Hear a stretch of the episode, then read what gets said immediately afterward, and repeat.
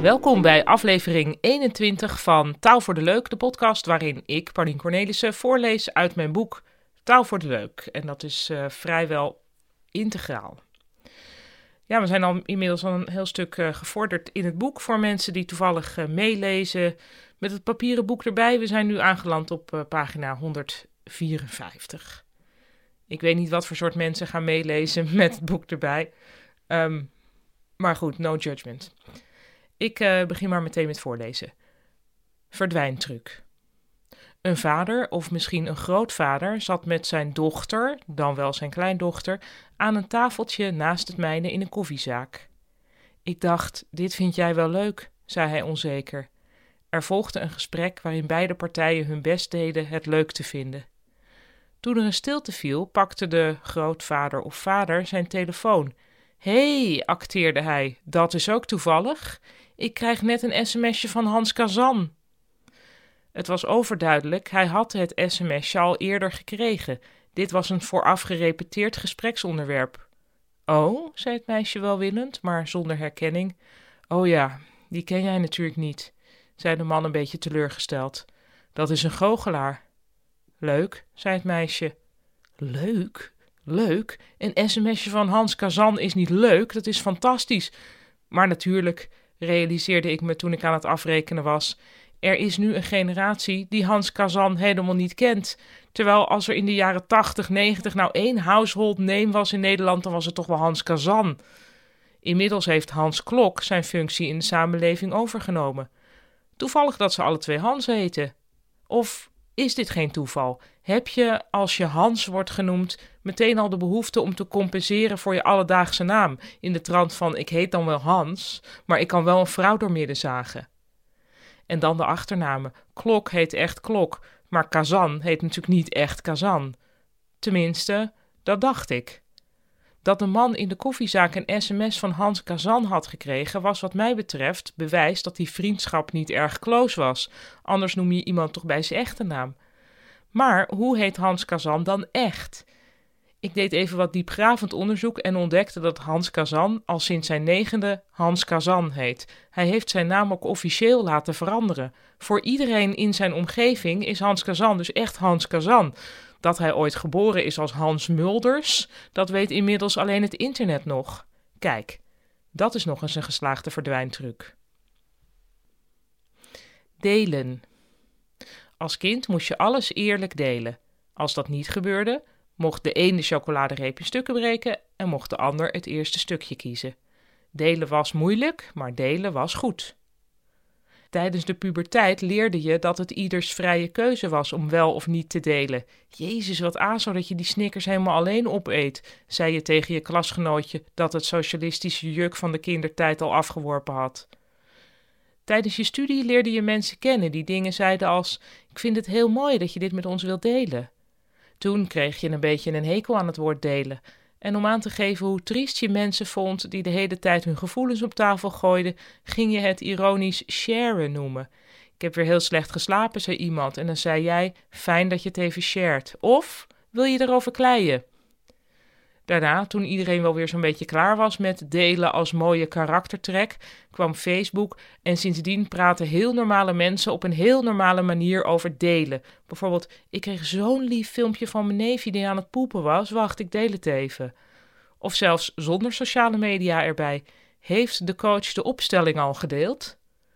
En zo is het woord van iets concreets iets vaags geworden en daarna weer iets concreets. Het wachten is op de volgende vervaging. Het volgende stukje schreef ik naar aanleiding van een uh, bliksembezoek aan Lissabon. Ik zeg daar eventjes bij dat ik uh, geen uh, Portugees kan, helaas. Zou ik wel heel graag kunnen. Ik vind Portugees. Als ik nou mag kiezen van welke taal wil je nou nog eens. Nou, nee, er zijn toch wel veel andere talen die nog maar als je, nou goed, als je mij de keuze geeft, wil je liever Spaans leren of Portugees, dan denk ik dat Spaans in principe wereldwijd handiger is. Maar liever zou ik Portugees spreken. Maar dat spreek ik dus niet. Dus alvast alles wat ik nu ga zeggen, dat uh, spreek ik denk ik verkeerd uit. Want ik ga natuurlijk dat niet nu googlen. Dat kan ook helemaal niet, want ik zit in de kelder van de podcastkelder, in de kelder voor de leuk. Nou, of dat klinkt heel vies. Maar goed, in de, vanuit de kelder. Ik, kan, ik heb hier geen internet. Goed, het is wat het is, mensen. Titels. Tijdens een recent bezoek aan Lissabon viel het me op dat veel Portugese woorden titels van voorstellingen van Cirque du Soleil zouden kunnen zijn. Peixeira, apaixonar, segurança. Wat deze woorden zo geschikt maakt voor Cirque du Soleil is dat je niet meteen weet wat ze betekenen, maar dat ze wel een exotisch gevoel oproepen. En dat er coole letters in zitten, zoals de X. Cirque du Soleil is een Canadees circusgezelschap zonder dieren, maar met een succesvol businessmodel. Omdat dit gezelschap zo succesvol is, moeten hun titels voldoende internationaal zijn, maar het is niet nodig dat het publiek de titel echt begrijpt. Een van hun eerste voorstellingen heette Allegria en dat was achteraf gezien te concreet, want Allegria betekent gewoon vreugde. Daarna heeft men in Canada het licht gezien en is er uitsluitend gekozen voor titels die puur op het gevoel spelen. Neem Saltimbanco. Dat betekent in het oud-Italiaans weliswaar straatartiest, maar dat wordt zo weinig gebruikt dat bij het googelen alleen Cirque du Soleil verschijnt. Vare Kai betekent niets, maar je voelt dat er een duistere act te zien zal zijn met een dwerg die door de lucht roeit, al roepende vai, vai. Dralion klinkt als een 2.0 versie van een Derwish act en Quidam klinkt gewoon gaaf, want er zit een Q in. De voorstelling Amaluna, ik heb hem niet gezien, maar het lijkt me sterk als er niet iemand aan een donkerblauwe doek naar beneden komt kukelen. Er zijn trouwens veel Afrikaanse landennamen die het ook goed zouden doen als voorstellingstitel. Denk aan Burkina Faso, Djibouti, Mozambique, Gambia en Burundi. Nu ik erover nadenk, alfalfa zou ook goed zijn. Maar het is dus beter om geen bestaande landen, groenten of andere begrippen te gebruiken vanwege de Google-exclusiviteit. Gelukkig is het niet zo moeilijk om een geheel nieuwe, exclusieve titel te verzinnen. Men neemt een begrip uit het Spaans of Italiaans, men voege daar een lettergreep aan toe, liefst met een Q, een Z of een X, maar een A mag ook. Quintessenza zou bijvoorbeeld heel goed kunnen. Elastiek met een Q. Fluorenx. Diarezza. Halitosia. Soleil kan nog heel lang voort.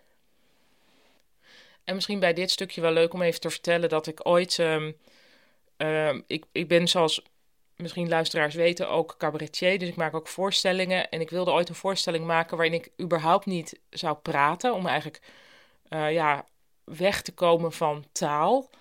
Dat is voor mij onmogelijk en moeilijk. Uh, maar goed, ik heb wel echt een poging gedaan. En toen heb ik ook uh, geprobeerd te leren om aan zo'n doek zo naar beneden te rollen vanuit het plafond.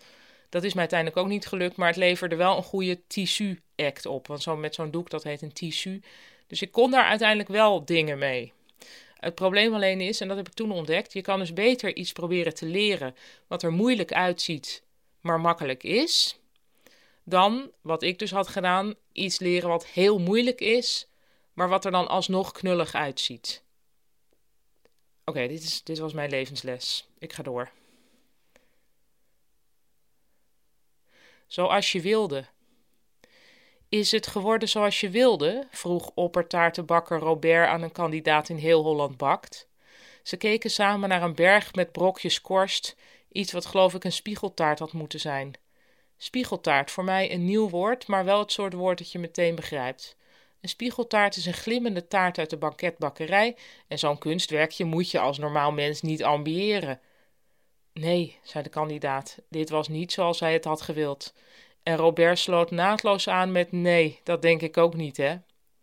Hij had het dus niet hoeven vragen, maar zijn intentie was aardig. Door eerst de vraag te stellen gaf Robert aan dat er een wereld denkbaar is waarin een berg brokjes wel de bedoeling is. En dat hè aan het eind, dat hield de sfeer er ook in.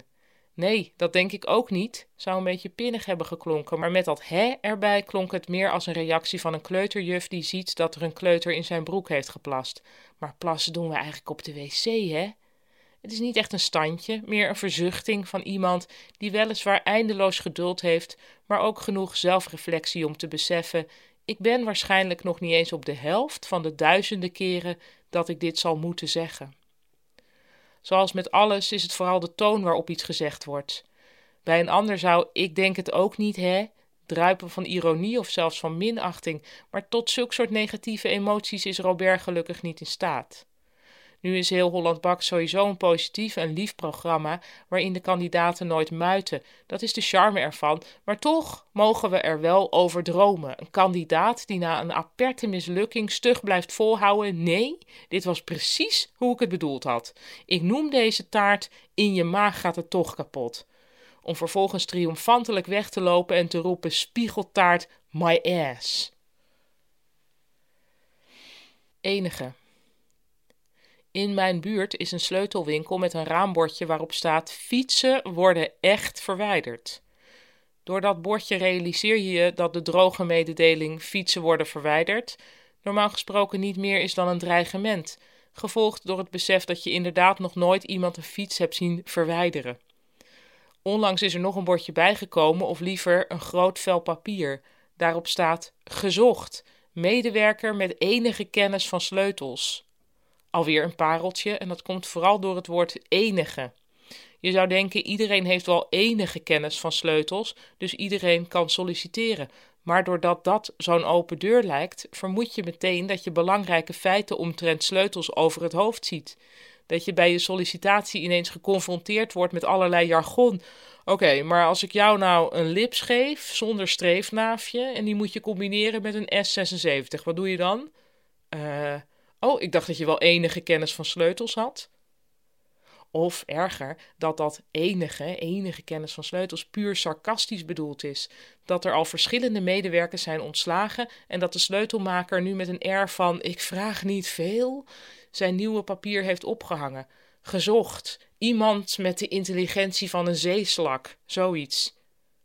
Waarschijnlijk bedoelt de sleutelmaker de vacature niet zo, maar zeker kun je daar niet van zijn. Want enige wordt wel vaker sarcastisch gebruikt. Het zou fijn zijn als jullie hier enige opruimwerkzaamheden zouden willen uitvoeren, al dus een moeder tegen haar puberzoons. Of enig idee hoe lang je nog bezig bent met het alfabetiseren van je cd's waar je toch nooit meer naar luistert? Misschien en toevallig zijn ook buitengewoon geschikt voor sarcasme. Zou je heel misschien toevallig de planten water kunnen geven? Mensen die alle hoop hebben laten varen dat de wereld ooit aan hun droombeeld gaat voldoen, gaan dit soort woorden gebruiken. Als deze diep teleurgestelde mensen toch, tegen elke verwachting in, hun zin krijgen, zijn ze helemaal van hun stuk. Vaak volgt er dan alleen nog maar een verbouwereerd en afgemeten: Nou, mijn dank is groot. Wat de? Amerikanen die iets van opvoeding hebben meegekregen, zullen niet zo snel what the fuck uitroepen. Tenminste, niet in elk gezelschap. What the heck misschien nog wel, als beschaafde variant op what the hell. En er bestaat zelfs een oplossing voor wie alle moeilijkheden wil omzeilen, en dat is what the. Ik vind dat moeilijk uit te spreken, zoals je mij nu ook hoort. Dat vind ik moeilijk om uit te spreken. What the. Normaal ga je bij een vragende zin pas bij het laatste woord met je stem omhoog. Bijvoorbeeld bij fuck, what the fuck, what the hell. Als dat woord weggelaten wordt, moet je dus op het normaliter onbenadrukte de ineens omhoog. What the? Voor mij voelt dat als horde lopen op de middelbare school. Dan zette ik ook altijd verkeerd af en liep ik die horde omver. In Nederland is what the fuck al jaren een manier om verbazing uit te drukken. Afkorten tot wat de heb ik nog niet gehoord. Waarschijnlijk zijn wij te blij met het woord fuck. Um, klein uh, aantekeningetje hierbij dat ik dus wel vrij vaak heb gelezen van what the, maar het niet echt heb gehoord. En ik dacht dat komt natuurlijk omdat ik niet in Amerika of in Engeland leef, dat ik dat niet hoor. Maar toen las ik laatst ook iemand die zei van, dus een Amerikaanse iemand die stelde de vraag van zijn er wel eens, heeft iemand dat ooit echt uitgesproken gehoord? Dus misschien is eigenlijk what the, what the, is dat ook meer een, uh, een schrijfding, wat over moet komen als heel erg een spraakding. hey. nou, wederom heel moeilijk uitgelegd, maar mochten er um, native uh, sprekers van Engels toch luisteren naar deze podcast, laat het mij dan op de een of andere manier weten of, of je het echt wel eens hebt gehoord. Dat iemand het heeft gezegd, what the? Of dat het alleen maar een schrijfding is waar mensen cool mee proberen te doen van, oh, dit is echte spreektaal, terwijl het geen echte spreektaal is. Oké. Ik ga door en het volgende stukje heet Fuck, F-U-K, fuck. Ik was bij een basisschool waarin de voordeur Fuck You stond gekrast.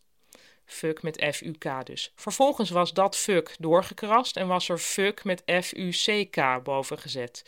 Het was niet netjes wat deze jonge vandaal wilde overbrengen, maar de school had er bij hem of haar blijkbaar wel goed ingeramd dat een correcte spelling belangrijk is. Er zijn verschillende manieren om fuck te zeggen. Je hebt mensen die proberen om hun fuck zo Amerikaans mogelijk te laten klinken en daarom iets zeggen dat klinkt als fuck. Een beetje overcorrect, maar wel handig als je fuck, fuck, fuck, fuck, fuck, fuck, fuck wil zeggen. Dat gaat makkelijk met de a-klank. Fuck, fuck, fuck, fuck, fuck past bij langzame rampen. Denk aan een beslagkom die traag kantelt, waarna al het beslag op de grond druipt. Of je bent net een gat aan het boren en de ladder schuift onder je weg, waardoor je je nog probeert vast te klampen aan de boormachine, maar dat slaat nergens op. Ondertussen zeg je fuck, fuck, fuck, fuck, fuck, fuck, fuck. Een tweede mogelijke uitspraak van fuck is fok. Fok is vooral handig in constructies als fucking niet normaal en what the fuck. Ten derde zijn er mensen die gewoon fuck zeggen met de e van kruk. Een gezellige oer-Hollandse fuck die je kunt gebruiken om kleine irritaties te versieren met wat taal. Je zakt met je voet door het ijs en nu heb je een natte schoen, fuck.